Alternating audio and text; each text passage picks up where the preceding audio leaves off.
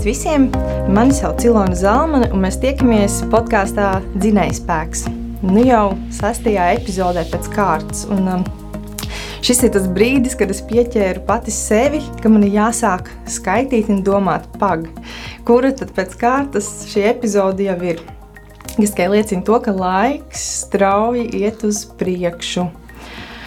Un, um, kā vienmēr, um, esmu aicinājusi uz sarunu kādu jaudīgu un iedvesmas pilnu cilvēku, lai paklausītos viņa stāstu, viņa pieredzi par to, kas viņu iedvesmo un dzen uz priekšu darīt visas tās lietas, ko viņš dara. Un šodien mans sarunas viesis ir grupas Genfāst mūziķis, ielu vingrotājs, projekta Sporto visi dibinātājs Kaspars Zlidnis. Čau, Kaspar! Čau visiem klausītājiem! Sveiciens! Tu savos sociālos mēdījos ik pa laikam liec dažādus tādus spēcīgi uzrakstītus un arī pārdomas veicinošus ierakstus.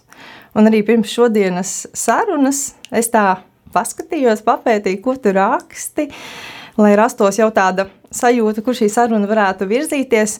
Un es teikšu atklāti, mani aizķēra viens uh, ieraksts, kur tu stāsti par savu aicinājumu, par aicinājumu atrašanu.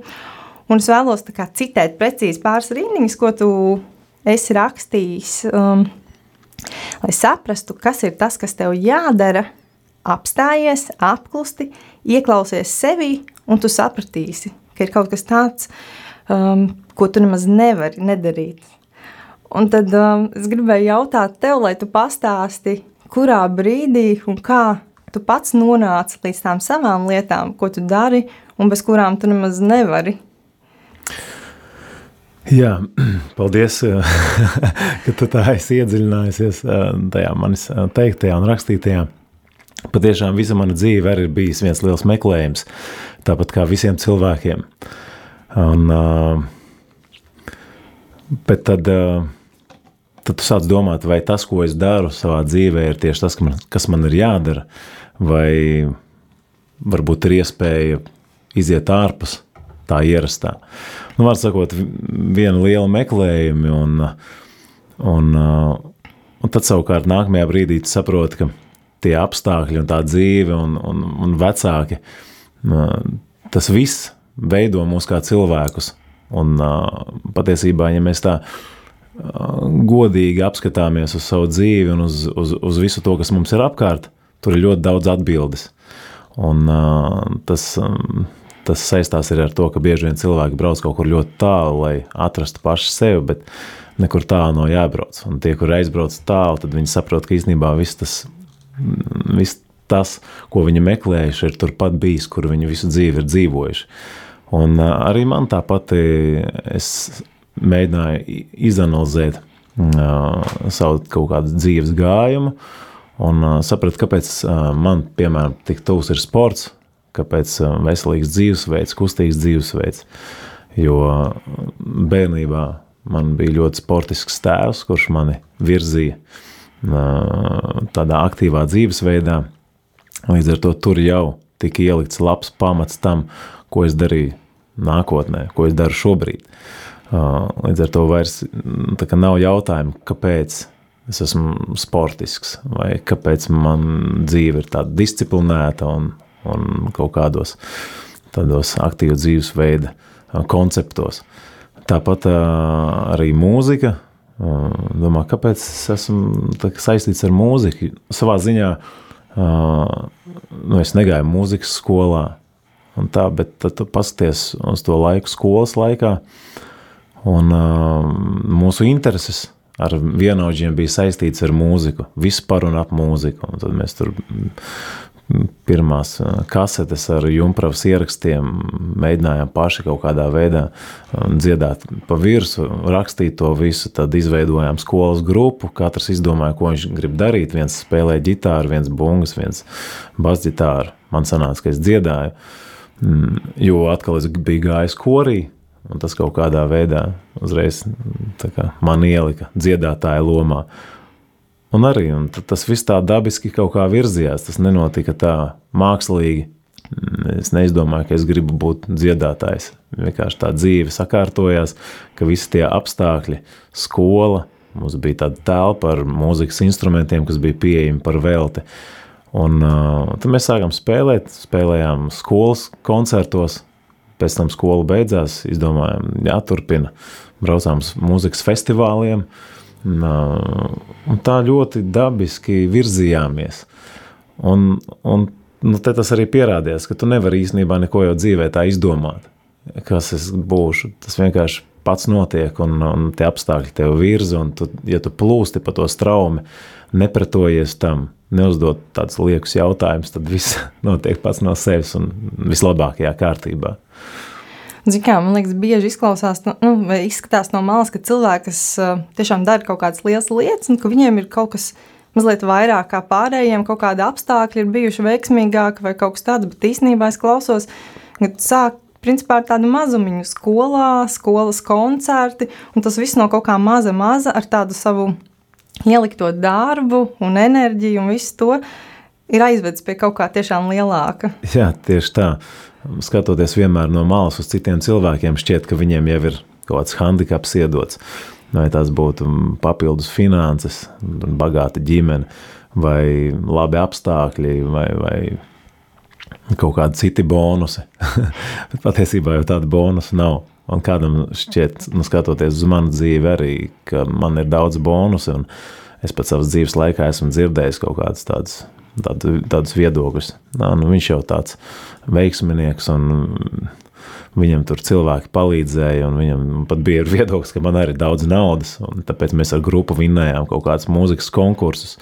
Patiesībā neviens jau nezināja, ka mēs braucām uz festivālu Sinips un Medus, un kā jaunā grupa maksājām par dalību šajā festivālā. Nu, lai vispār pēc tam nokļūtu uz lielās skatuves, tev ir jāiziet cauri daudz dažādiem tādiem uh, izaicinājumu mirkļiem. Un, uh, nu jā, nekāda bonusa jau nav nevienam. Ir vienkārši jāizmanto tās priekšrocības, kas tev ir dotas. Un tad, kad es apzinājos tās savas priekšrocības, savus talantus, tad uh, nākamais mirklis ir, ka tev ir jāstrādā ar tiem talantiem. Un, uh, savā ziņā, jā, dzīve man piešķīra šo iespēju, piemēram, sportot. Es esmu vesels, kustīgs, ļoti to novērtēju, jo daudz cilvēku nespēja kustēties. Un, un, un tad, kad man ir iedota šī kustība brīvība, ir, nu, ir pilnīgi nērti un ir kauns pret to, ja tu neattīsti šos savus talantus. Un, tāpēc es ikdienu pavadu sportojot un, un, un, un uzturot sevi kārtībā. Un, un, un nav stāsts tikai par mani, es šo, šo kustību, mīlestību nododu tālāk caur dažiem dažādiem sporta projektiem. Un tāpat arī mūzikā. Tas viss ir kā šķiet nāca viegli, un mūs tur sākumā sauca par mazo meitenīšu grupu un saldējiem un visādi citādi. Kas man uzjautra, man patīk, kad cilvēki tā sauc, bet tu jau zini pats, kam tu esi gājis cauri un ko dara, un nevienam nekas nav jāpierāda, un tikai, tikai jāmēģina pašam darīt visu pēc iespējas labāk. Un tad es sapratu, jā, ka man jāiet pie privātskolotājas mācīties dziedāt. Gāju uz solfeģo stundām, jo bērnībā man vecāki neveda man uz mūzikas skolu. Viņi tā kā vispār nesaskatīja, ka manī varētu būt kaut kāds tāds, tāds potenciāls. Bet uh, stāsts par to, ka es, jā, es, es vienkārši es nebaudīju tos mm, augļus tikai tāpat vien uz vietas sēžot. Es ieguldīju daudz darba un tās stundas mēģinot un, un trenējoties. Uh, dziedāt, spēlējot ģitāru un tiekoties ar grupas biedriem. Tikai tas noveda mūs līdz trīs studijas albumiem un līdz ļoti daudz koncertiem pa Latviju spēlējot. Nu jā, kā, kaut kas tev ir iedots, kā saka, tāda uh, jauniņā veiksme, bet pēc tam tev jāturpina strādāt cītīgi katru dienu, mērtiecīgi. Ceļoties no rīta augšā, tev jau jāsaprot, ko darīsi šodien un, un, un, un kāds būs tavs tas, tas mērķis. Jā, tas tā vairāk par to mūziku, bet par to aktīvo dzīvesveidu. Jā, tēvs tev virzīja un tu sporto jau no bērnības. Bet īstenībā tādu plašāku atpazīstamību iegūta pirms nu, diezgan daudz gadiem?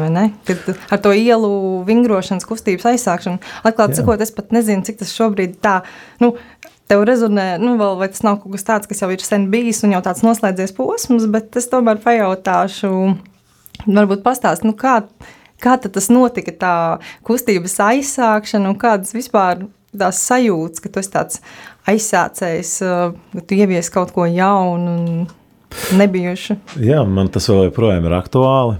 Jo, lai cik dīvaini tas neizklausītos, vēl savos 36 gados es braucu un pat uzstājos ar ielu vingrotājiem un rādu paraugu demonstrējumus, kas nozīmē, ka esmu diezgan labā formā. Nu, un, um, bet sākās tas um, pirms nu, jau kādiem 13 gadiem. Jā, tas bija mm, augstskolas sākums, vidusskolas beigas, kad es tā nu, cītīgi staigāju pie mājas stadionu nezinu, katru dienu, katru otro dienu. Un, un, un, un vingroju. Tā kā vienkārši uzturot sevi labā fiziskā formā, bet varbūt kaut kur neapzināti es trenēju savu mm, disciplīnu. Un es atceros, ka man, man mamma teica, ka es nesaprotu, kā tu viens pats vari iet vingrot mm, bez kompānijas, ārā līst lietus, tu vienkārši ģērbies. Nu, kā, kurš, viņam nevarēja saprast, kur ir tā mana iekšējā motivācija, kas man ir dzēna uz priekšu. Bet um, nu, kaut kā tā, tā, tā, tas uguns iekšējais un tāds nemieris lika to darīt. Un es patiešām nu, tagad tā skatoties, nu, reti, laikam, kurš jaunietis tā vienkārši, mm, tagad jau vairāk, bet tajā laikā tā pats vienkārši aiz savu prāta gāja vingrot. Un jāsaprot, ka tajā laikā pirms 13 gadiem attīstījās sporta zāļu kults, jeb fitnesa zāļu kults, un, un neviens tā ārā negāja vingrot. Tagad tu redzi katrā parkā, katrā piemājas stadionā ir kaut kāda grupiņa ar entuziastiem, kas vingro ārā, un tas jau šķiet tikai normāli. Cilvēki skrien, cilvēki vingro pie vingrošanas konstrukcijām, ir pilns ar jauniem stadioniem. Toreiz tas tā nebija. Toreiz mm, bija veci, mm, no padomju laikiem palikuši sarūsējuši stieņi. Un kaut kā tev starp tiem, nu, tajā, tajā infrastruktūrā, kas nebūtu nebija pievilcīga un sakārtota, vajadzēja kaut ko radīt. Un, un tad es vingroju, un es atceros, mans draugs atsūtīja man video. Viņš saka, klausies, pats, tu tur vingro, pasties, rekur Amerikā arī puiši kaut ko līdzīgu dara. Protams, kad es apskatījos to video, YouTube toreiz arī nebija tik ļoti populārs. Tam, tam video bija kaut kāda 300 skatījumi, laikam. Bet es ieraudzīju tur tādus vingrinājumus, kas man tik ļoti uzrunāja un iedvesmoja, ka es gribēju pamēģināt arī kaut ko līdzīgu. Un tā es turpināju mācīties, man bija kaut kāda motivācija iemācīties kaut ko jaunu. Un, nu jā, un tagad tam video ir jau nezinu, vairāki miljoni skatījumu.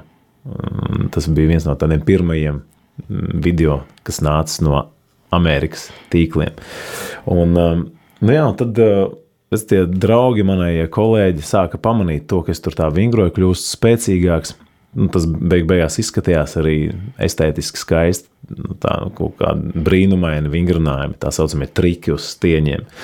Un tad viens pievienojās, otrs pievienojās, trešais. Mēs jau bijām tāda maza grupiņa, mm, kas nāca, mm, kurus es jau sāku trenēt. Viens no tiem cilvēkiem bija arī Mārcis Lēziņš, kurš šobrīd ir mm, Sielu vingrošanas federācijas vadītājs.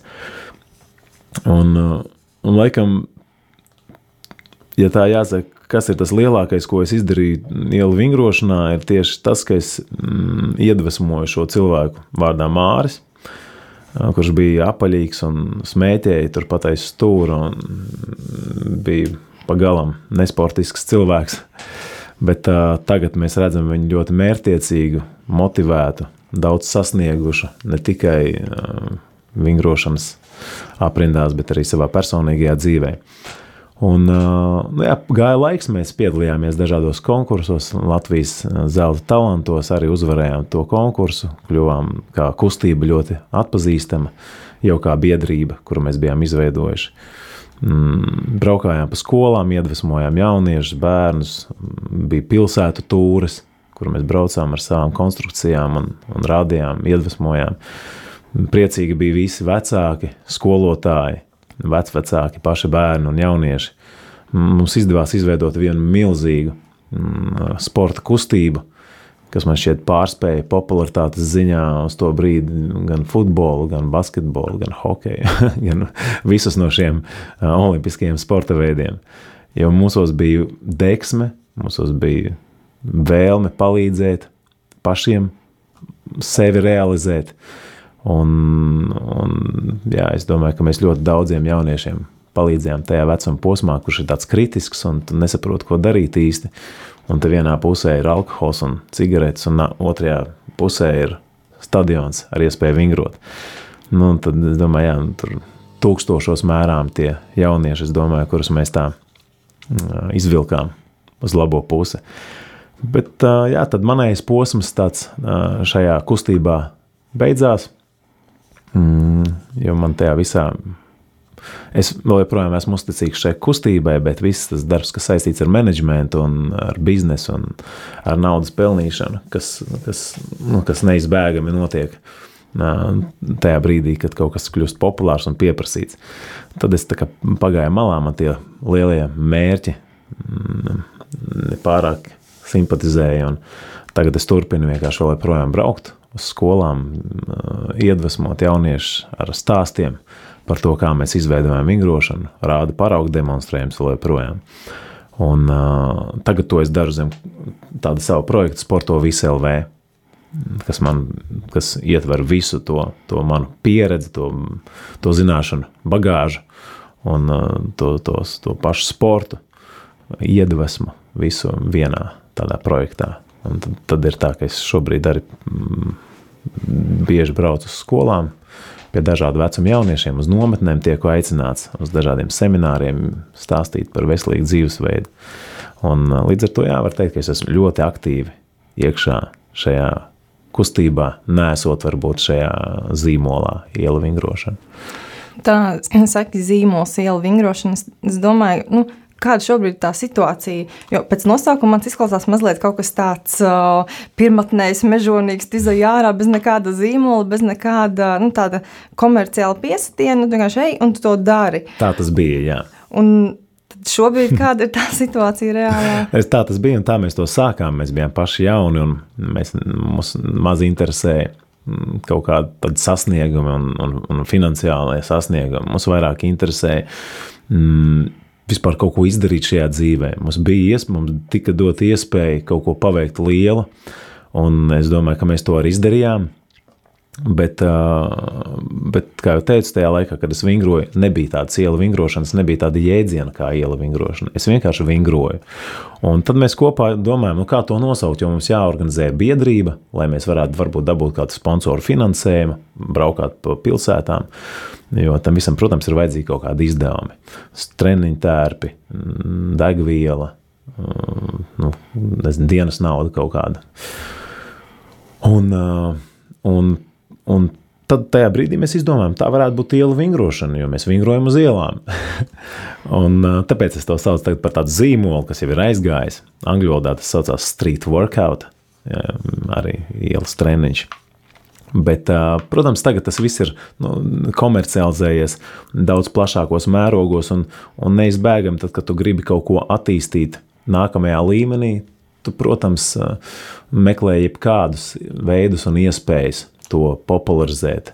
Un tad tu sāc pārdoties sponsoriem, tu sāc nu, piesaistīt finansējumu, kas tev uzliek kaut kādas noteikumus, nosacījumus.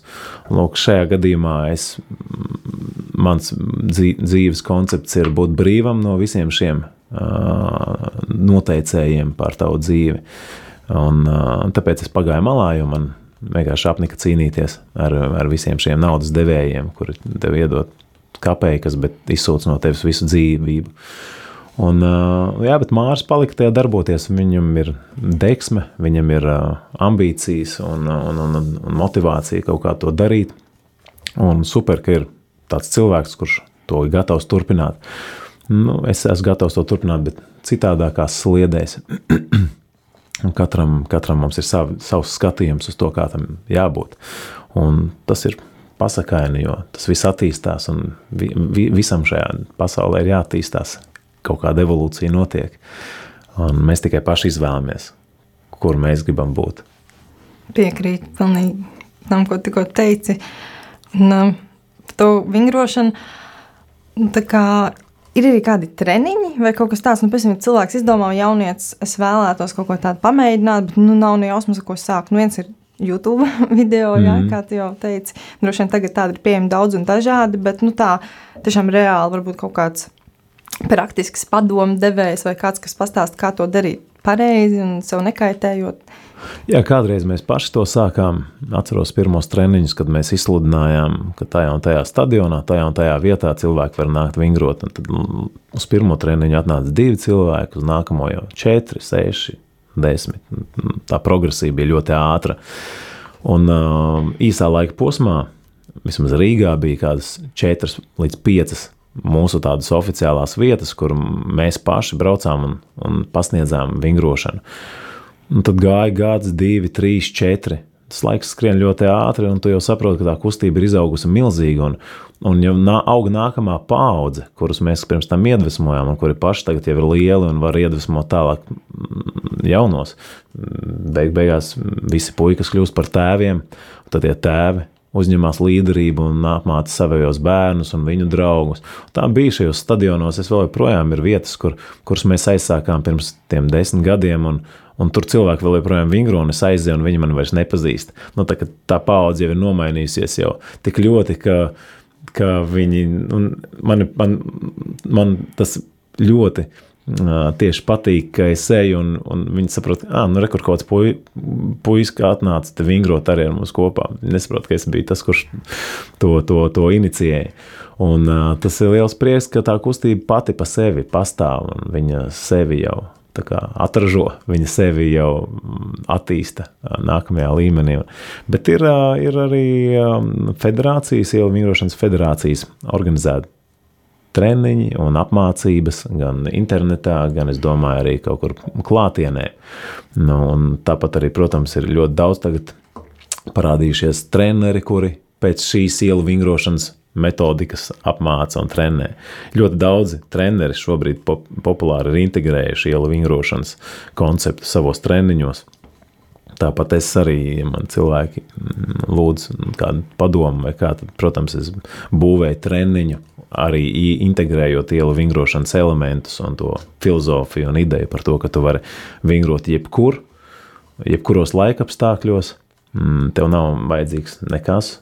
Mm, principā šis, šis tā, tas ielu vingrošanas filozofijas pirmsākums ir tas, ka tu mm, esi brīvs no jebkādiem principiem, no jebkādiem kaut kādiem uzslāņojumiem. Tu vienkārši ej un vingro Tev ir nauda, nav naudas vienalga. Tu esi sieviete vai vīrietis, tu esi bērns vai, vai seniors. Te, tev ir foršs treniņš vai tev ir nošmulējies nekāds treniņš vai basas kājas, vai tev ir blakus stadions, vai tev ir vienkārši pieejams mežs, vai tev ir industriāla vide apkārt, vai, vai, vai tu dzīvo laukos.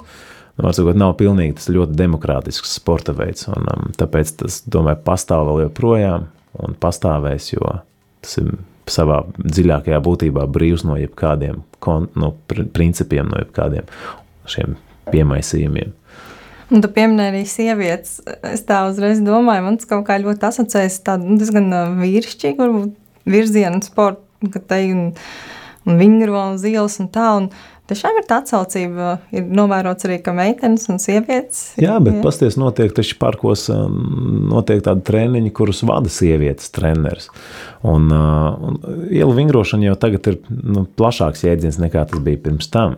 Tur nu, nav jābūt obligāti akrobātiskiem trikiem. Tad... Vai pareizāk sakot, jā, tā vingrošanas arī sākums. Es jau nemācīju nekādus trikus. Es vienkārši vingroju, lai kļūtu spēcīgāks, lai attīstītos, lai padarītu savu ķermeni stiprāku, lai norūdītos. Pēc tam jau, protams, iemācoties sarežģītākus elementus, visi gribēja uzreiz mācīt, pildīt šos sarežģītos vingrinājumus un uh, gribēja pārliekt kaut kādu to posmu, kurā tu vienkārši mīli kustību un nekusties ārā. Un tagad uh, arī tā, tie jau nav triki. Iela vingrošana triki ir uh, sacensībās. Viņi nāk, viņi, viņi rāda, protams, un tas ir forši, jo viņi iedvesmo jauniešus. Jauniešiem patīk tādas lietas, kas piesaista uzmanību. Tālāk viņi mēģina kaut ko jau darīt lietas labā, lai to iemācītos. Bet uh, iela vingrošana jau ir arī, arī stiepšanās. Iela vingrošana ir arī skrējiens, iela vingrošana ir pietupieni, iela vingrošana ir vēderpreses vingrinājumi, iela vingrošana ir āra baudīšana, svaigā gaisa baudīšana, dabas baudīšana, um, vides pieejamības baudīšana. Tā ir arī socializēšanās, kad dažādi cilvēki atnāk un spēj pavadīt laiku kopā veselīgā vidē, nevis degradējošā vidē. Un tā ir iela vingrošana, un tur, es domāju, ir vieta arī pensionāriem, kuri vienkārši var atnākt un uztaisīt puspietapienus. Viņiem kustība amplitūda varbūt ne, ne, nav tik plaša, viņi nevar atļauties tur lēkāt dinamiski vai tur ātri skriet, bet viņi var atnākt izepļot kāklu, izepļot locītavas, plecus, elkoņus, vidukli, nedaudz pietapties, varbūt pakarāties pie kāda stieņa, pastaipīt mugurkaulu. Lūk, tā ir iela vingrošana. Vienkārši kustība, mīlestība, kustība, brīvība un apzināšanās, ka mēs esam, mēs esam radīti, lai kustētos. Un uh, tie cilvēki, kuri ir iestagnējuši un nav šajā kustībā, viņi jau jūt, ka dzīves kvalitāte rūk, sarūk, un, un, un, un sarūk kustība amplitūda, sar, sarūk arī pašas dzīves amplitūda. Tas vēriens, ar kādu mēs dzīvojam, sarūk. Tāpēc jā, tā iela vingrošana tas ir tāds ļoti dziļš filozofisks uh, koncepts, uh, bet uh, to bērniem nu, viņš ir, viņi, viņi intuitīvi sajūta. Bet viņiem, protams, viņiem vajadzīgi triki ir, lai viņus pārsteigtu. Bet pieaugušam cilvēkam, kurš jau saprot, tad uh, iela vingrošana ir daudz, daudz dziļāka būtība. Nu, Prieks, ka to pastāstīji, jo man pašai arī nu, tāds pirmais iespējas, to dzirdot, ir kā vingrošanas stieņi, akrobātiski triki, jā, griezieni, džeki, dažā, griezieni. Jā, salto. jā, un īstenībā tas, kā tu to pastāstīji, patiesībā pavisam citādāk. Un, daudz, daudz kā saka, pieejamāk. Bet, um, Jā, jo jogot jau arī var uz ielas, vai ne? Tas nenozīmē, ka mēs tagad visus sporta veidus sevis integrējam tā, un gribam uzņemties kaut kādas mammas lomu, ka, ka viss, tagad, kas notiek uz ielas, tas ir tā ir iela vingrošana. Bet savā būtībā tā ir. Tā, tā ir kustība, brīvība, svaigā gaisā. Tas var būt arī futbols. Tas var būt jebkas. Mm, es, principā, ir forši būt brīvam no šiem konceptiem. Ir forši nedzīvot um, futbola rāmjos, ir forši nedzīvot um, basketbola rāmjos, tur geto rāmjos, ielu vingrošanas rāmjos. Ir forši vienkārši saprast dziļāko būtību tai mūsu eksistencei un, un, un, un tā kustība, tā brīvība. Tā, tas ir viens no, mēs, mēs daudz meklējam brīvību, un kustība ir tieši viens no veidiem, kā mēs varam justies brīvi, kur mūs neviens neierobežo, tikai mēs paši un mūsu nespēja kaut ko izdarīt. Tad mēs mācāmies, mēs paplašinām savas iespējas, mēs paplašinām savas robežas. Kus, caur kustību ir viens veids, kā to izdarīt. Tas nav vienīgais. Mums ir jāattīst arī mūsu smadzenes, mums ir jālasa grāmatas, mums ir jāredz pasauli, pēc iespējas jāceļo, jāstiek cilvēki, jāiegūst pieredze. Un, un, un tie ir vēl citi veidi, kā mēs varam paplašināt savu brīvības izjūtu. Bet tā kustība ir viena no pieejamajām, pieejamiem veidiem. Un kādā brīdī šo mīlestību pret kustību tu tomēr pārcēli no ielām arī uz crossfit uh, zālēm. Un pat varētu teikt, tu arī bija viens no tiem, kas aizsāka crossfit virzienu, vai ne? Jā, jo tā bija arī mana veida, mana personīgā tāda evolūcija. Jo šajā ielu vingrošanā es satiku vēl daudz citus sporta entuziastus, ar kuriem mēs vēl meklējām veidus, kā, kā paplašināt savas iespējas. Un tad es uzgāju tādu sporta veidu kā crossfit, kas nāk no Amerikas, un, un ar ko īpašs ir šis sporta veids. Ar to, ka šajā sporta veidā izrādījās, ka ielu vingrošana ir tikai viena no sadaļām. Pēkšņi man atklājās svarcelšanas pasaule, pēkšņi man atklājās vieglatlētikas pasaule. Lai gan es kādreiz trenējos vieglatlētikā, bet tas kādreizējais pieņēmums bija tāds, ka katrs vilka to segu uz savu pusi ja tu esi vieglatlēts, tad tev jāpilda tikai vieglatlētikas uzdevumi, tad tev tikai jāskrien. Ja tu esi nu, mm, basketbolists, tad tev tikai jāmet bumba grozā. Ja tu esi svarcēlājs, tev tikai jāceļ svari. Un crossfit bija īpašs ar to, ka ši, šis, šis crossfit aizsācējs, mm, viņš meklēja uh, atbildes uz daudziem tādiem jautājumiem, kas, un viens no tiem bija, kas ir atletiskākais pasaules cilvēks. Nu, kāds varētu būt tas pārcilvēks, tas supercilvēks, kurš var visu, ja runa ir par kustību. Un viņš saprata, ka nu, tāda, tam jābūt kaut kādam vidējam, aritmētiskajam starp labāko svarcēlāju, starp labāko vieglatlētu un starp labāko vingrotāju. Tās tādas trīs pamatdisciplīnas, trīs pamatvaļi. Jo, ja mēs paskatāmies atsevišķi svarcēlājs, visticamāk, nu, viņš būs liels, tāds smagnējs, viņš nevarēs noskriet maratonu. Maratonis savukārt ir kā sērkociņš, visticamāk, salūzīs zem lielāka svara par savējo. Vingrotājs jā, ļoti tāds koordinēts, līdz, līdzsvara mm, koordinācijas kvalitātes, viņam ļoti attīstīts spēks, bet arī īpaši nav pieredzējis skriet. Nu, tad šis Greigs Glāzmans, tāds tēvs, salika visas šīs disciplīnas kopā un savos treniņos integrēja no šiem visiem sporta veidiem labākos elementus. Tātad tur gan svārcelšana, gan skriešana, gan vingrošana. To visu sakombinējot vienā treniņā, tu attīsti visas šīs spējas. Un, un tiešām dažu gadu laikā es attīstīju savas fiziskās spējas nu, neiedomājamos augstumos, jo es, es gan labi skrienu, gan uh, pārvaldu olimpiskās svarcelšanas elementus, gan arī mm, vingrošanas elementus jau no ielu vingrošanas laikiem. Un tad bija laiks, kad es piedalījos CrossFit sacensībās, kuras mēs šeit sākām organizēt Latvijā, tad jau attīstījās sporta klubi. Mēs atvērām pirmo CrossFit Andrēs sporta klubu. Un uh, paši trenējāmies, un es vēl joprojām esmu sajūsmināts par šo sporta veidu. Pats vēl joprojām uh, savā tādā mm, būtībā. Man, man patīk tas um, ielu vingrošanas tā filozofiskā puse, un crossfit uh, tīri tāda fiziskā puse, kur tu apvieno vēl vairāk disciplīnas nekā ielu vingrošanā. Un kāpēc? Kāpēc mēs atvērām zāli, neskatoties to, ka es uzskatu, ka mēs varam vingrot arī tikai ārā? Ir tas, ka daudziem cilvēkiem neapmierina apstākļi ārā. Lai, lai arī nu, viņi labprāt arī šādi organizē treniņus un trenēs ārā, bet tomēr ziemā ne visi ir gatavi mm, pielāgoties apstākļiem. Un, protams, ērtāk ir to darīt sporta klubā, kur tu pēc tam vari pārģērbties, doties uz darbu vai atkal pēc darba atbraukt, pārģērbties un sportot.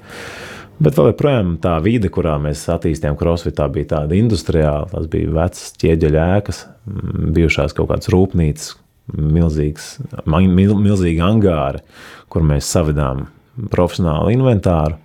Un cilvēki tur vingro un attīstās un, un kļūst ļoti spēcīgi. Tiešām crossfit.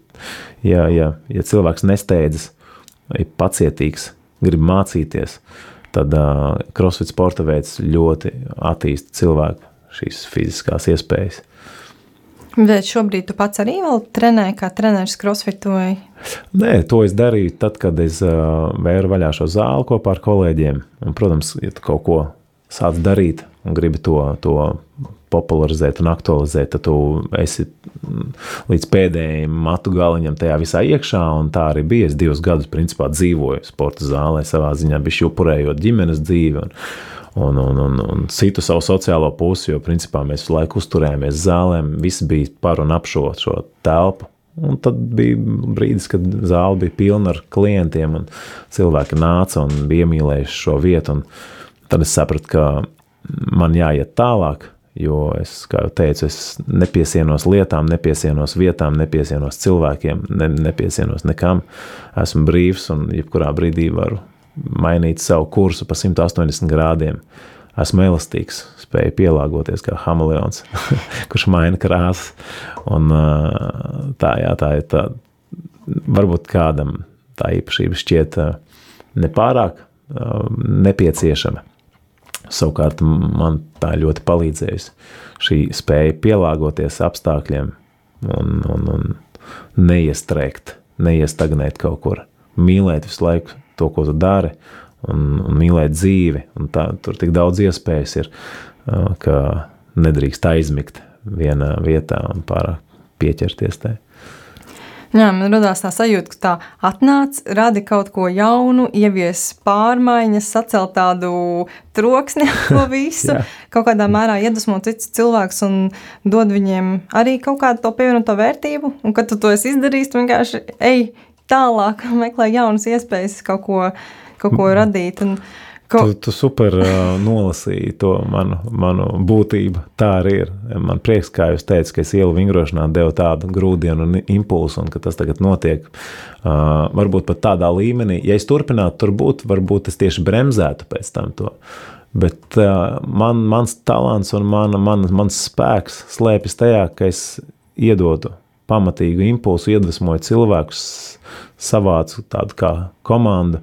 Mm, sapulcinu ļoti daudz cilvēkus, bet tad es jūtu, ka mans laiks ir iet prom un, un, dot, un dot nākamo impulsu.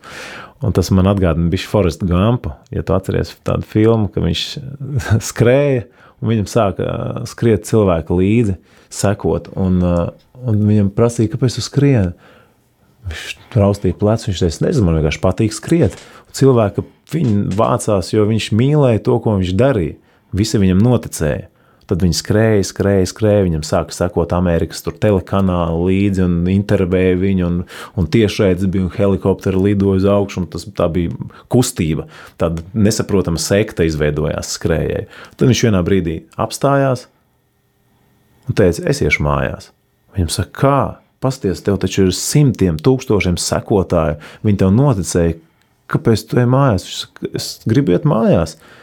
Un, un, un, un tā ir tā spēja nepiesieties tām lietām, kurām, tev, kurām vienā brīdī tu uz, uz visiem simt procentiem velti savu uzmanību, lai to sāktu. Un jau nākamajā brīdī tu esi gatavs no tā atteikties. Savukārt cilvēki, viņi nav spējīgi no tā atteikties. Viņi ir tik ļoti iestrēguši tajā, viņi noticēja tam, un viņi tic konceptiem, viņi tic dieviem, viņi tic um, viltus praviešiem. Un tad viņi Viņa aizmirst pašu sevi, viņa aizmirst, kāpēc viņi to dara. Viņa vienkārši seko akli. Tā tāds aita bars.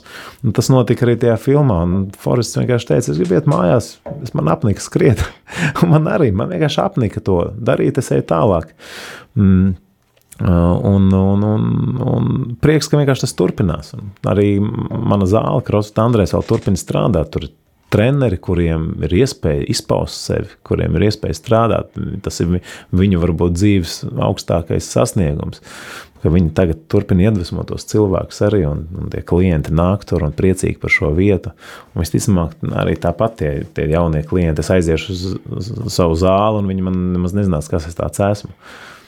Tas jau nav galvenais, laikam, vairs nu, šajā brīdī. Man vispār nav būtiski. Jā, tas, man, man, man arī nav būtiski tas, ka es to esmu aizsācis. Man parasti, kad aicina cilvēku, tad viņi man atgādina to, to es tur izdarīju, to un to, bet es nedzīvoju tādās mm, no atmiņās. Pat, vispār es par to ikdienā nedomāju, godīgi man ir interesanti tagad sarunāties, jo šajā intervijā es tā kā bišķiņ tāds ceļojums atpakaļ.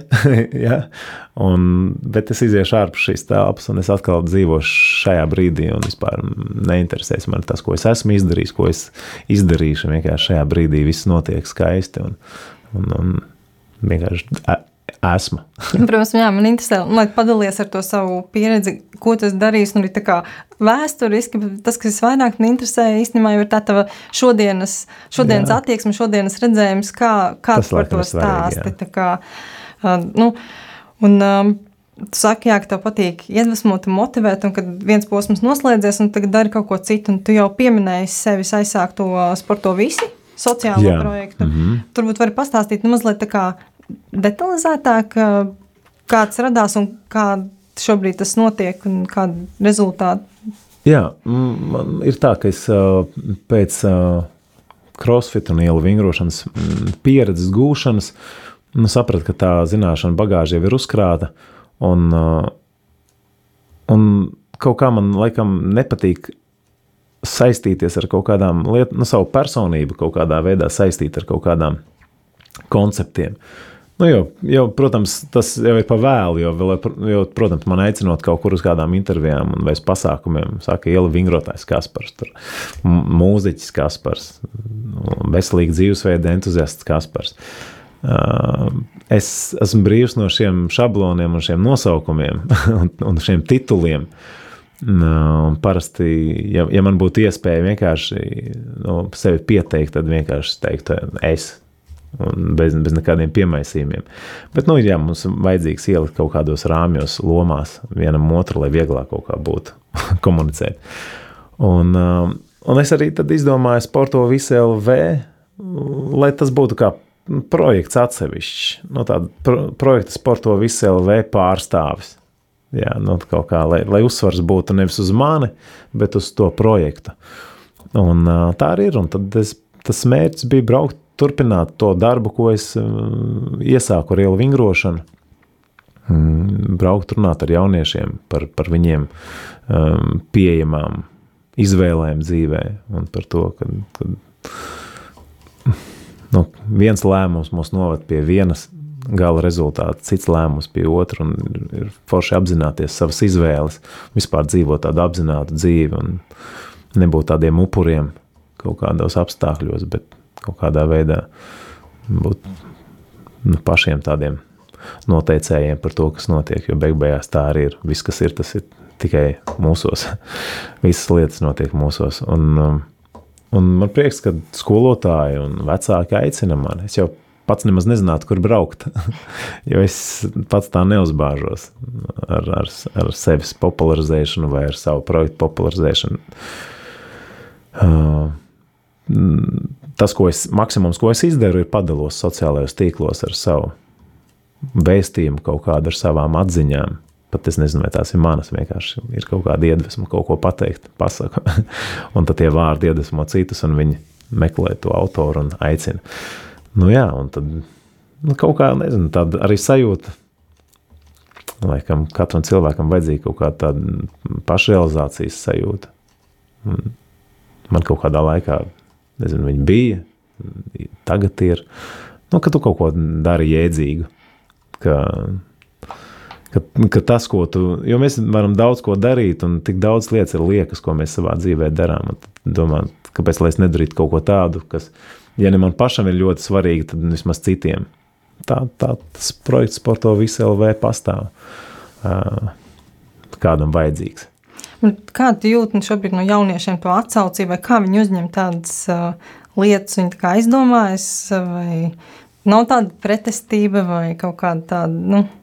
Jā, protams, ir dažādi vecuma posmi, un mm, sākuma skolas bērni ir visuzņēmīgākie. Viņi ir super, viņi ir tādi mazi sūklīši, kuri, kuri to ej, un viņi ar mirdzošām acīm dara to, ko tu sāki, un, un mēģina izpildīt tos vingrinājumus, ko tu viņiem uh, piedāvā un, un klausās kā, tos stāstus. Savukārt ir varbūt tādi patsmitnieki, kuri jau kā, meklē sevi un, un tā kā, jā, tā, tādā varbūt no, no, vairāk noliedzošā formā dzīvo. Tas ir pareizi. Viņi rada kaut kādu kritisko skatījumu uz dzīvi un, un, un izvēlās, kas viņiem ir svarīgi, kas nav. Viņi vēl to varbūt nezina. Un, bet uh, bija tāds stāsts, ka pie manas skolā Kādreiz atbrauca, kad es vēl mācījos skolā, atbrauca Mārcis Solte. Viņš bija vēl zaļš puika, tas mazs, nu, vi, jauns vīrietis. Tā, bet viņš bija ļoti entuziasts par dabas mīlestību, kā, kāds viņš ir arī tagad. Un viņš mums pasniedza tur šķirošanas tēmu skolā. Toreiz tā bija vispār jauna tēma, un es nesapratu, ko nozīmē šķirot. Un, nu, viņš atbrauca un aizbrauca. Un es, es, atceru, es, un es vienkārši atceros to epizodi. Un nepagāja ne, ne, ne desmit gadi, kad mēs ar viņu tikāmies vienā citā šķi, atkrituma šķirošanas un dabas mīlestības projektā, jo es arī esmu ļoti liels dabas fans un me, maksimāli mēģinu saglabāt to vidi, kas mums ir apkārt. Vai, vai pareizāk sakot, radīt pēc iespējas mazāk m, mm, negatīva iespēja uz, uz to vidi, kur mēs uzturamies. Uh, Un mēs satikāmies. Es biju šī pasā, projekta kā, vadītājs, un, un viņš bija viens no pasniedzējiem. Es jums saku, Mārta, tu neatceries, bet tu pirms desmit gadiem atbrauc uz skolu, un visticamāk, man mazu puiku iedvesmoja. Jo pasties, kā es esmu audzis, un es pat arī neapzinoties, man ir kaut kādā veidā radīta un iemācīta šī, šī mīlestība pret, pret pasauli, pret dabu. Un tāpēc arī es saku, ja gadījumā šobrīd kāds arī noliedz, un ir kāds nepaklausīgs puisis tur stūrī, kurš visu laiku kaut ko traucē tajā seminārā vai lekcijā, tad es zinu, ka kaut kur jau viņā tas nogulsnējās, un pēc desmit gadiem iespējams mēs viņu redzēsim kā aktīvu, kustību mīlošu cilvēku, sportisku, un, un, un mērķiecīgu, motivētu. Un viņš varbūt atcerēsies, ka bija tāds Kaspars, kaut kad, kurš atbrauc, kaut ko tur stāstīja, un, un te nu es esmu. Un, nu, jā, ja viens cilvēks no desmit, nu, kaut kas viņam paliks, kaut kur nogulsnēsies, tas jau būs forši. Tad jau principā es savu misiju esmu izpildījis. Jā, man arī pašai dažreiz liekas, ka nav tādas līdz galam nejaušas uh, satikšanās vai tādi nejauši satik, satikti cilvēki. Un tā kā saka, kaut vai pēc desmit gadiem, bet pēkšņi tu vari saprast to jēgu un tev izpeld tas, uh, tas, ko tu vari paņemt no tā. Un, Jā, tev noteikti arī bijis dzīvē, ka tev cilvēks kaut ko saka, bet tu tajā brīdī to neustver, vai varbūt noliedz, vai varbūt nu, neuzskati to par sevi aktuālu. Bet tad uh, paiet kaut kāds laiks, un, un iespējams tev kāds cits kaut ko pasaka, un tu to wow! Bet viņš pasaka tieši to pašu. Nu, tādā tā, tā parasti runājot, es vienam cilvēkam saku, kā pareizi, piemēram, izpildīt pietupienu, un viņš pilda, un viņš nes, ne, ne, ne, nedara pareizi paiet pusgads, viņam viens cilvēks pasaka citiem vārdiem to pašu, un viņam tas aiziet. Tāpēc jā, mēs nezinām, kurā brīdī kaut kāds ieteikums, vai kāds cilvēks, vai, kas, vai, vai, vai kāds, kāds motivējošs vārds mūs iedvesmos un izmainīs mūsu skatījumu nedaudz. Un tā tas ir. Nu, skaidrs. Nu, man gribas vēl mazliet par uh, to otru lielo tavu personības šķautni, par mūziku, mazliet arī parunāt. Un, un tā, ka grupa Genfast ir jau diezgan senu vēsturi. Jā, gan, gan arī kā ielu vingrošana. Līdzīgi. Nu, bišķiņa vecāka. Ielu vingrošanā, laikam, 13, tad, tad grupai kāda varētu būt jau 16, 17 gadi. Un kā jums ir izdevies tik ilgi noturēties un joprojām jūs muzicējat un viss notiek? Palīdz noturēties tas pats, kas iela vingrošanā. Tāpēc, ka mēs esam brīvi no, nu, vismaz es esmu brīvs no kaut kādiem šiem konceptiem. Es vienkārši muzicēju, jo man tas patīk. Es vingroju, jo man tas patīk. Un, un ar to varbūt atšķirās kaut kādi projekti, kuri mākslīgi tika radīti uz kaut kādu noteiktu posmu, mm, lai nopelnītu naudu, lai, lai radītu kultu kaut kādu, lai pievērstu uzmanību. Un tad mēs muzicējām, jo mums to patika darīt, un mēs vēl joprojām muzicējam, jo mums to patīk darīt. Bet, protams, nevarētu teikt, ka šobrīd mēs esam superaktuālā grupa, bet, un, bet tāds laikam nav arī mans mērķis, un nekad nav bijis tāds mērķis. Uh, Mm, nu, kā, nu, ir, ir bijusi vēlme spēlēt lielus koncertus, protams. Sākotnēji es atceros, ka man bija tāda vēlme spēlēt lielus koncertus. Es zināju, ka, es, nu, ka mēs izaugām no skolas līmeņa grupas un gribējās spēlēt uz lielām skatuvēm, uz lielām festivāla skatuvēm, televīzijā nokļūt. Uh, Un, bet tas viss bija ar mērķi dalīties ar to mūziku. Jo mēs paši mīlējām to mūziku un gribējām, lai arī citi to dzird. Tas jau ir jebkura laikam mākslinieka izpausme. Tāda. Viņš grib dalīties ar savām emocijām vai, vai kaut kādā brīdī tā mūzika ir tāda kā terapija, un viņa palīdzēs man, piemēram, tikt galā ar kaut kādām dzīves situācijām, jo tas ir kā rakstīt dienas grāmatu. Es rakstu mūziku, es rakstu vārdus, un es šajā dziesmā es izrunāju tās lietas, kuras varbūt es nevaru nu, noformulēt runājot tā vienkārši. Tad mūzikā es to visu izsaku, tas man palīdz, tas tā tāds terapijas kurs, un, un, un gribās varbūt arī citus iedvesmot ar to. Un, viņa, un tā arī ir beigās cilvēki raksta. Viņi saka, wow, tās dziesmas man reāli ir palīdzējušas tikt pāri kaut kādiem sarežģītiem dzīves posmiem. Vai, vai māmiņa uzraksta, ka man tur es esmu stāvoklī un katru reizi, kad klausos jūsu dziesmu, tur jūtu, ka mans mazais tur sāk kustēties vēdā. Tas bija viens no vispār fantastiskākajiem iedvesmot no tādiem, tādām vēstulēm, kad es sapratu, ka tas ir to vērts. Ja cilvēki tā uzraksta tev, tad tas ir to vērts. Un arī tagad, jā, mēs muzicējam, mums ir koncerti, mums ir dziesmas, kuras cilvēkiem laika gaitā ir iepatikušās. Un nestoties to, ka mēs netiecamies tagad uz konkursiem un ne, neuzbāžamies ar savu mūziku visās iespējamās, vis, visos iespējamos veidos, tad ir cilvēki, kuri atrod mūsu mūziku un atrod mūsu un tad aicina. Un tā var teikt, ka īpaši neko tā nedarot, mēs vēl joprojām spēlējam un vēl joprojām top jaunas dziesmas. Man jau ir dziesma, dziesmas radītas jaunajam albumam. Nu, tā kā vienkārši jāķerās klāt, jāiet studijā, jāraksta. To es lēnā garā arī daru. Cik no tas laiks atļauj tā. Jā, laiks droši vien tev ir diezgan saplānots, lai, lai visu to, ko tu dari un ko tu vēlēsies darīt, tur arī tā kvalitīvi varētu paspēt. Bet, um, Tad, pat, tas ir tāds varbūt ne tāds noteikts plāns, bet uh, ir izveidojusies kaut kāda struktūra dzīvē. Nu, es zinu, piemēram, ka pirmdien man vairāk laiks būs veltīts sportiskajām aktivitātēm, otrdienas vairāk laika veltīšu mūzikai, vai, vai trešdien atkal sportam, ceturtdien atkal mūzikai. Tas sadalīts. Protams, tur visur pa vidu pāri ir ģimenes dzīve, un, un, un divas meitiņas un sieva, un, un nu, visa šī ģimenes saimniecība. Tāpēc te, tam visam pa vidu kaut kā ir tāds, kaut kāda struktūra, kas palīdz. Mm, kas palīdz neaizpeldēt kaut kā un tā haotiski nedarboties. Jā, droši vien tas, ka nu, ģimene tas parasti uzliek tādu vēl lielāku atbildību ar to savu laiku, tā atbildīgi rīkoties. Tu nedrīkst tā izniekot laiku pa labi, pa kreisi. Tev jāzina, tas, ko tu dari, tiešām ir tā vērts. Tieši tā, jā, jā, negribās izšķiest laiku. Mm, lai gan Jāsaka, ka es protu arī nedarīt neko. nu, dažreiz arī tā vajag, vai ne? Es nu. ļoti labi protu nedarīt neko, vienkārši spēju vienu dienu pilnībā nobumbulēt un neko neizdarīt. Un arī tajā slēpjas kaut kāda šī brīvības apziņa, ka ir ļoti daudz cilvēku iesprostoti tādā kaut kādā vāveres ritenī, un viņi pamostas no rīta, un viņi jau zina, kur viņiem jābrauc ar kādu sabiedrisko transportu vai kāds maršruts.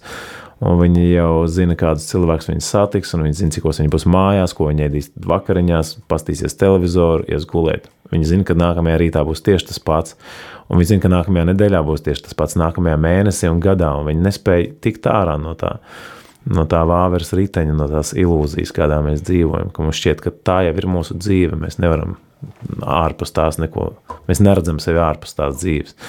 Nu, man šajā gadījumā tā nav. Es esmu pieturos pie šīs brīvības, ka, ja es šodien gribu, tad es varu vienkārši nobumbulēt. Un tad, kad es to izdaru, tad uh, man ir tas prieks, ka es to varu atļauties izdarīt. Un neviens man nepārmetīs to. Vienīgais, kurš to sev pārmetīs, būs es, kurš pateiks, no, tu nobumbulē vienu dienu, un tagad nākamajā dienā tev viss jāpastrādā vairāk. Ir. Jo nevar teikt, ka es, nu, es, es do, ļoti daudz strādāju. Un tad, kad cilvēks aicina, varbūt kaut kā. Uh, nu, apdomāt, vai tiešām ir vērts tā skriet un, un tā satraukties, kā viņi to ikdienā dara. Mm, es eh, negribu radīt iespēju, ka ir jāslinko vai vienkārši nekas nav jādara. Ir, eh, ir iespēja katram pašam radīt šo, šo realitāti. Un, un tas piemērs ir tāds, ka mēs, mēs esam vienā kaut kādā realitātē, uz viena, vienā veikalā, piemēram. Tu ieej, un tur ir nabaga kasieris, kurš no rīta līdz vakaram pīkstena tos produktus, un, un, viņam nekāda sēja, un viņš ir nomocījies, maza alga. Un, un tur blakus ienāk viens vīrietis, jauns, kurš noparkojies tikko pie tā paša veikala, tajā pašā laikā, tajā pašā vietā ar savu limuzīnu. Un uh, nopērk pašu dārgāko vīnu veikalā, piemēram. Nu, tas šķiet, ka kaut kāda netaisnība tajā ir, bet tā, tā, ir, tā ir taisnība, tā ir patiesība, tā ir realitāte, kuru mēs paši radām. Viens cilvēks radīs sev realitāti, un viņš sēž pie kases aprāta, un otrs cilvēks radīs sev realitāti, mm, kurā viņš bauda dzīvi. Un tāpat arī es esmu radījis to realitāti, kurā es baudu dzīvi, bet tas tāpat nāk caur smagu darbu. Jā, to es piekrītu par to smago darbu. Nu, es tiešām klausoties visu, ko tu dari, man liekas, nu, ka tas ir tiešām daudz un tas prasa no cilvēka daudz. Bet tas, ko tu sauc par bumbulēšanu, savukārt man ļoti labi sasaucās ar to, ko es jau sākumā minēju, ko tu rakstīji Facebookā. Kad, kad dažreiz vienkārši vajag apstāties, paklausīties Jā. tajā klusumā un saprast, kā tu saki, kas varbūt ir tas liekais, ko nevajag darīt, un kas ir tas, ko tu nevari nedarīt. Un, Ja tu visu laiku skrieni un visu laiku tikai dari, un kaut vai tev nav saplānota katra diena, un tu nedari katru dienu vienu un to pašu, bet tāpat tās, ja tu visu laiku skrieni, skrieni, skrieni, centies izdarīt vairāk, vairāk, vairāk, kā tad, lai to apdomā, saproti, kur tu esi un kādi būtu tādi loģiski tālākie Jā. soļi? Nu, garīgi cilvēki to sauc par meditāciju. Es to saucu par bumbulēšanu. jo, jo man tā, tā bumbulēšana jau ir sava veida meditācija. Tu vienkārši apstājies uz brīdi arī savā dzīvē un tā apklusti aizver acis un pasties, kas notiek tavā galvā, kas notiek tavā sirdī, bet tu esi laimīgs tajā brīdī, kur tu esi, vai, vai citi cilvēki blakus tev ir laimīgi ar tādu, kāds tu esi, kādu tu atstāji, kaut kādu ietekmi, kādas pēdas tu atstāji aiz sevis. Un, nu jā, citi to sauc par meditāciju. Bet uh, sauciet to, kā gribat, bet ir vērts uh, iepazīt sevi, savas izjūtas, savas emocijas un savas domas, uh, lai saprastu, kas jūs tāds esat, kas es tāds esmu. Un, un uh, tāpēc es ik pa laikam arī bumbulēju. Bet, bet tu saki, tu pats arī rakstīji dziesmām vārdus un tekstus, un nav kaut kādā mērā arī tas, ka tajā bumbulēšanas uh, laikā tieši tās domas varbūt kaut kā saliekas un tie teksti paši atnāk, vai, vai tas kaut kā pavisam citādāk notiek? Ne, taisnība. Tā, tā tas arī notiek, jo bumbulēšanas mirkļi ir visradošākie. Un tālāk jau ir tāds tā kā, mm, tāda realizācija un izpildošais darbs. Un tu no sākuma, tā, kad tu iedomājies, tas viss notiek, rodas caur tevi, tavā galvā, tavā sirdī, intuitīvi kaut kā. Un pēc tam tev jāķerās klāt, tas kā dziesma, viņa, viņa rodas, viņa, viņa ir netverama, kaut kas skan, Un tad tu ej tīri fiziski, praktiski studijā, raksti, slēdz klāt ģitāras, mikrofonus, bungas. Visu to ieraksti, cilvēks strādā, to visu apstrādā. Beigās tev ir dziesma, kur ir vai nu tur platē, vai lentā, vai kasetē, vai diskā, vai vienkārši datorā MP3 formātā. Bet tā tas notiek. Un, un jebkuri mūsu darbi, tā ir tāda mūsu, mūsu ideju, ieceru un mūsu tāda radošās izpausmes realizācija. Un ja tev nav laika apstāties un nav laika ieklausīties sevī, tad tu visu laiku arī skrien, tu visu laiku dari un rada tādu, tādas darbīgas, aizņemtas dzīves imitācija. Tā, ka tu visu laiku esi tu tur koferītis uzvalc, viņš mm, šlipsīte un sasukāte matiņa, un tu tur skrien uz to darbu, un tev ir sapulce pēc sapulces, un tu jūties tik svarīgs, un visu laiku kaut, kaut kādas problēmas jārisina. Tas bija tāds labs salīdzinājums. Mēs varam sevi iedalīt divos tādos kukainīšos, bitēs vai mušās. Un tad bites iedomājas skaisti, viņa, viņa lido pār pļavām, vasarā tagad ziedošas pļavas smaržo.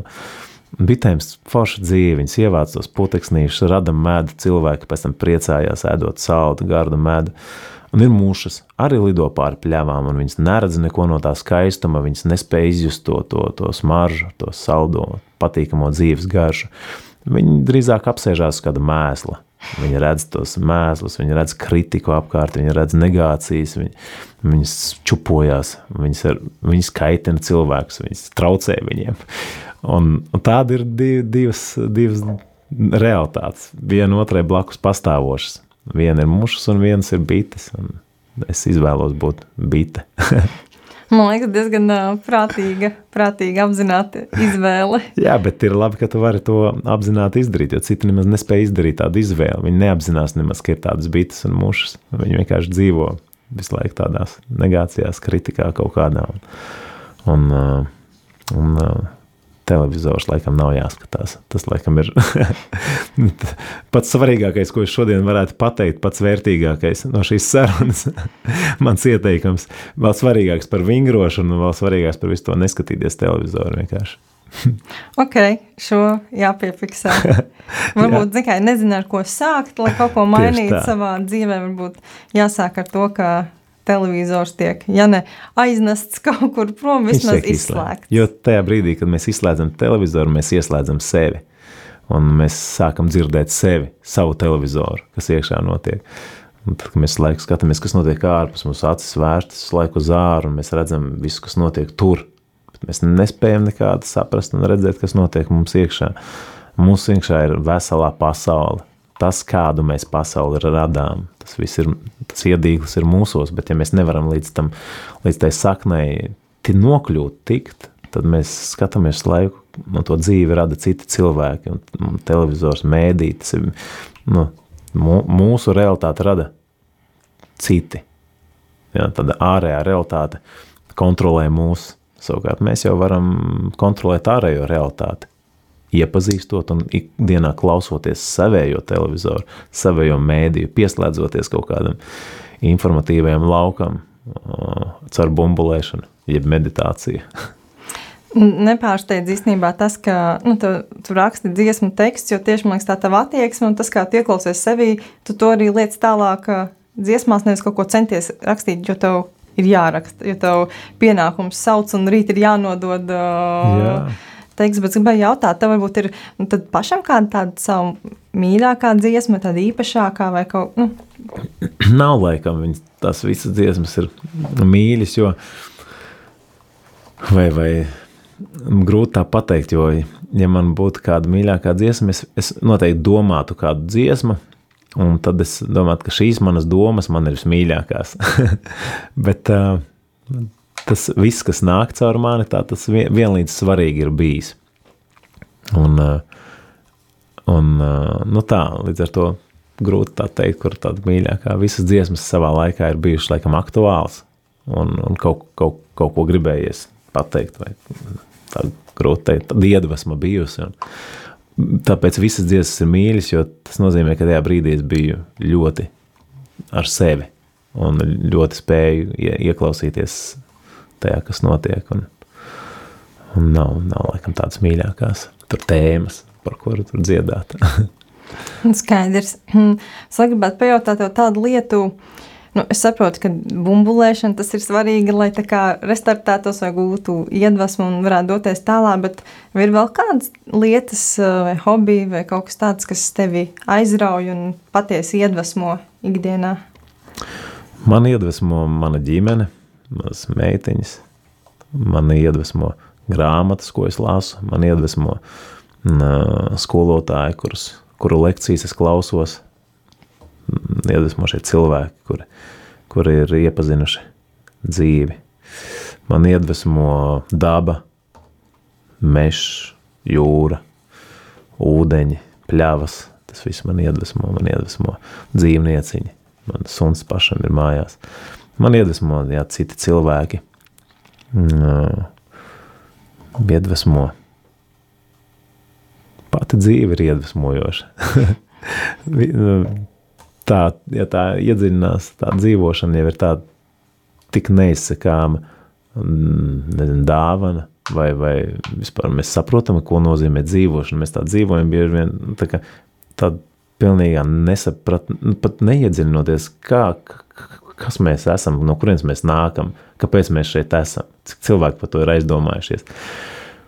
Man šķiet, tas ir svarīgāks jautājums par to, kāda tev ir izglītība. Man šķiet, tas ir svarīgāks jautājums par to, cik tu pelni naudu, ar kādu mašīnu tu brauc, kur tu dzīvo. Pilnīgi vienalga tas ir. Tu vispār saproti, kas, zem, kas aiz visas šīs m, ārējās čaulas slēpjas, kā, kāda, kāda enerģētiska bumba tā atombumba vispār nobāla pret to, kas mūsos ir iekšā. Ka, kā tās cilvēka acis mirdz, kā viņš runā, kā viņš kustās, kas viņam iekšā, kā tie procesi notiek. Mēs, mēs pēdam, kas notiek tālāk ar to ēdienu, kā ēdiens pārvēršas enerģijā. Un tad mēs saprotam, ko mēs ikdienā ēdam, kā to var apēst kaut kāds, nezinu, nu, nu, jebko šausmīgu. un jāsaka, ka viss ēdiens ir šausmīgs pārsvarā. Bet mēs to apēdam, ieliekam savā dievišķajā templī, savā organismā, kas ir tik smalks organisms, ka neviens, neviens zinātnieks nespēja radīt tik smalkus, um, smalkus ierīces, ja nu, neko tam līdzīgi, kāds ir mūsu organisms. Tomēr, wow! Tas taču ir brīnums, kā viss notiek, kā debesis, saule spīd, planētas. Wow. un, lūk, tās, tās ir lietas, kas iedvesmo. Vienkārši šī, šī pietāte un šī, šī pazemība pret to milzīgo visumu, kas mums apkārt un mums iekšā. tā, tas ir tas, kas iedvesmo. Tāpēc, laikam, nu, tas ir tā vērts mēģināt pietuvoties tam, tam avotam no kaut kādā veidā. Saprast, kas ir tas avots, no kurienes mēs nākam, kur mums, kur mums jāiet tālāk. Virzība kaut kāda. Jā, tāpēc tas laikam ir tas iedvesmojošākais. Un, skatos, mums laiks arī sarunas iet uh, strauji uz priekšu, un varētu teikt, ka pat ir jau izskaņā. Mm -hmm. Bet um, es gribētu vēl tādu lietu pajautāt. Uh, varbūt nu, viens te jau teica, ja no šīs sarunas tas galvenais, ko paņemt, izslēdzam televizoru. Slēdzam, tas tāds praktisks maziņš ieteikums. Un, tad, principā, tas, ko es pats pēdējais teicu, Tas, tas ir um, plašāk pateikts, bet ļoti līdzīgi izslēdzam televizoru un mēģinam saprast, kas ir dzīve, kas esam mēs tajā dzīvē. Nu, tāpēc es gribēju tādu jautāt tev ieteikumu priekš manis, priekš citiem, priekš visiem, kas klausās un kam tas varētu noderēt. Um, cilvēks kādā brīdī ir nonācis līdz tam, ka viņš ir sapratis, kas ir tā viņa lieta, ko viņš nevar nedarīt, un viņš vēlas šo virzību un iet uz priekšu un rīkoties, bet kaut kādā mērā ir bailes par ne, iespējamo neizdošanos vai pārliecības trūkums par savām spējām. Liekas, nu, ko tad es? Um, tas, um, tas kavē rast drosmi tiešām sākt darīt. Ko tu varētu ieteikt kā gūt šo motivāciju, šo pārliecību un galvenokārt ticību pašam sev. Man jau šķiet, ka tās bailes un, un tā nedrošība tie ir tādi paši izdomāti kaut kādi koncepti. Nepastāv jau nekas no tā. nu, ne, ne, iedomājies, neviens ārpus tevis nezina par tavām bailēm. Neviens jau viņas tevi nav radījis, neviens jau tev nav iebiedējis. Neviens tev nav kaut ko iestāstījis, neviens tev nav kā, m, pateicis, ka tev neizdosies. Tas, tas viss dialogs visu laiku notiek mūsu schizofrēniskajā prātā. Vienā brīdī tu, tu saproti, ka man tas ir jādara, jau nākamajā brīdī otrs tavs, tavs šķautne saka, bet tu taču neesi pietiekami labs, ko par tevi padomās citi. Un tikmēr tie citi vienkārši iet tev garām, mēt saldējumu, tur dara savas lietas un cīnās ar tādu pašu dēmonu savā galvā. Un visi cilvēki ir schizofrēniski savā tādās izpausmēs. Un, ja vien tu spēj vienā brīdī atbrīvoties no visiem šiem, šiem, šiem bailēm un nedrošības, tad saprast, wow, pa, kurš man spēj vispār šeit, šajā dzīvē, kaut kādā veidā kontrolēt, vai kurš man spēj pateikt, kā man būs jādara Protams, to ir mēģinājuši darīt mūsu vecāki, to ir mēģinājuši darīt mūsu skolotāji, mūsu lektori augstskolās, reliģijas, politika, ekonomiskie nosacījumi, mēdī. Nu, tas, tas, ir tas, kas, tas ir tas, kas veido šīs visas bailes un nedrošības. Bet tad, kad tu saproti, tam visam pilnīgi nav nekādas jēgas, tas ir, tas ir maznozīmīgāks par maznozīmīgāko putekli. Uh, tad tu vienkārši saproti, wow, man nav ierobežojumi. Visu, tas ierobežojums ir tikai manis radīts. Nav neviens, kurš tev liktu speciāli kāju priekšā vai durvis cirstu ciet. Pat ja mums tā šķiet, ka tas tā ir, tas tā nav.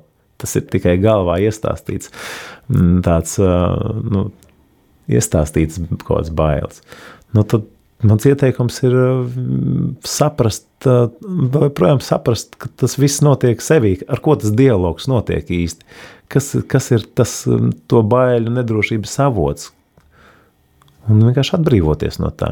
Saprast, ka nekas no tā nav. Nav vienkārši tā.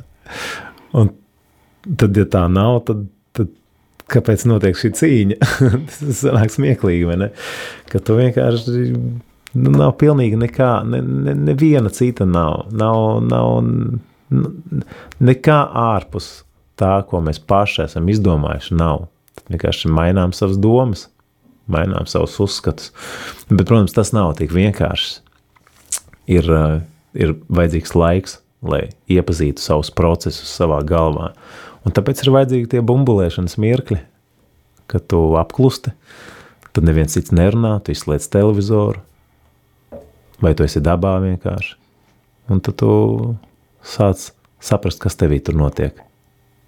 Un tad nu, vieglāk no tā ir atbrīvoties vai iedvesmoties, saprast, ko darīt tālāk. Un tā. Nu, kas man nu, liels tev paldies par uh, šo vērtīgo vielu pārdomām, gan tas, ko tagad beigās tu ieteici, gan principā liekas, arī visas uh, sarunas laikā, pa brīdīm tu dalījies ar tādām vērtīgām atziņām, ko tu pats esi laidis caur sevi un kādā brīdī es pie tā nonācu, es domāju, ka ļoti, ļoti daudziem tas varētu aizķerties un arī kaut kādā mērā būt tāds grūdienis, uh, grūdienis kaut ko pamainīt, kaut vai domāšanā, ja tu nevari uzreiz izmainīt visu savu dzīvi un, un doties tālāk pretī saviem sapņiem vai kaut kādām vēlmēm. Doties, pret, doties pretī sev. Pretī sev. Jā, tā kā tāda skaista satikšanās uh, saulrietā vai saulēktā. Nu, visticamāk, saul, saulrietā. Kad tu dodies, iedomājies to skaistāko cilvēku, kuru tu gribi satikt tur sev priekšā, un tas esi tu. Tev vienkārši jāsatiek pašam sevi. Un cik tu būsi priecīgs satikt sevi? Tu būsi priecīga. Es domāju, ka es noteikti būšu priecīga. Tu esi laimīga. Tu esi laimīga. laimīgi ir tie cilvēki, kur vienkārši tā spēj iedomāties, un, ka viņiem būtu jāstiek sevi, un viņi būtu pārlēmīgi satikt to personu, kas viņi paši ir. Man liekas, tas ir mērķis, ko liekas, katram ir jāiet un jānonāk pie tā. Jā, tas ir tas, fū, tas, tā, tā ir uzvara. Paldies, tev, Kaspar, no visas sirds par šīs dienas atziņām, par sarunu un par laiku. Paldies! Paldies! Jā.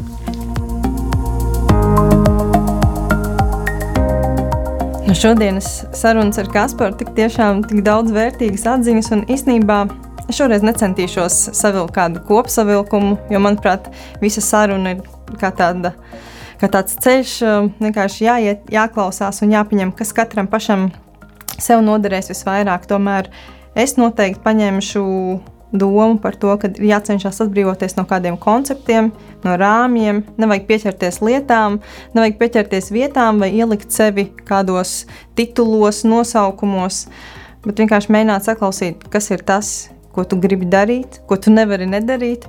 Un ideālā gadījumā, ja tu spēj no tā radīt arī pievienoto vērtību citiem un pasaulē, tad visticamāk, tu esi uz pareizā ceļa un tev arī veiksies. Un šīs dienas sarunu es domāju, ka ir vērts noklausīties atkal un atkal. Manuprāt, katru reizi varbūt izkristalizēsies kaut kas, um, kaut kas cits. Tā kā es teikšu īsi, un tad jau tiekamies drīz kādā no nākamajām dzinējspēku sarunām. Paldies visiem klausītājiem!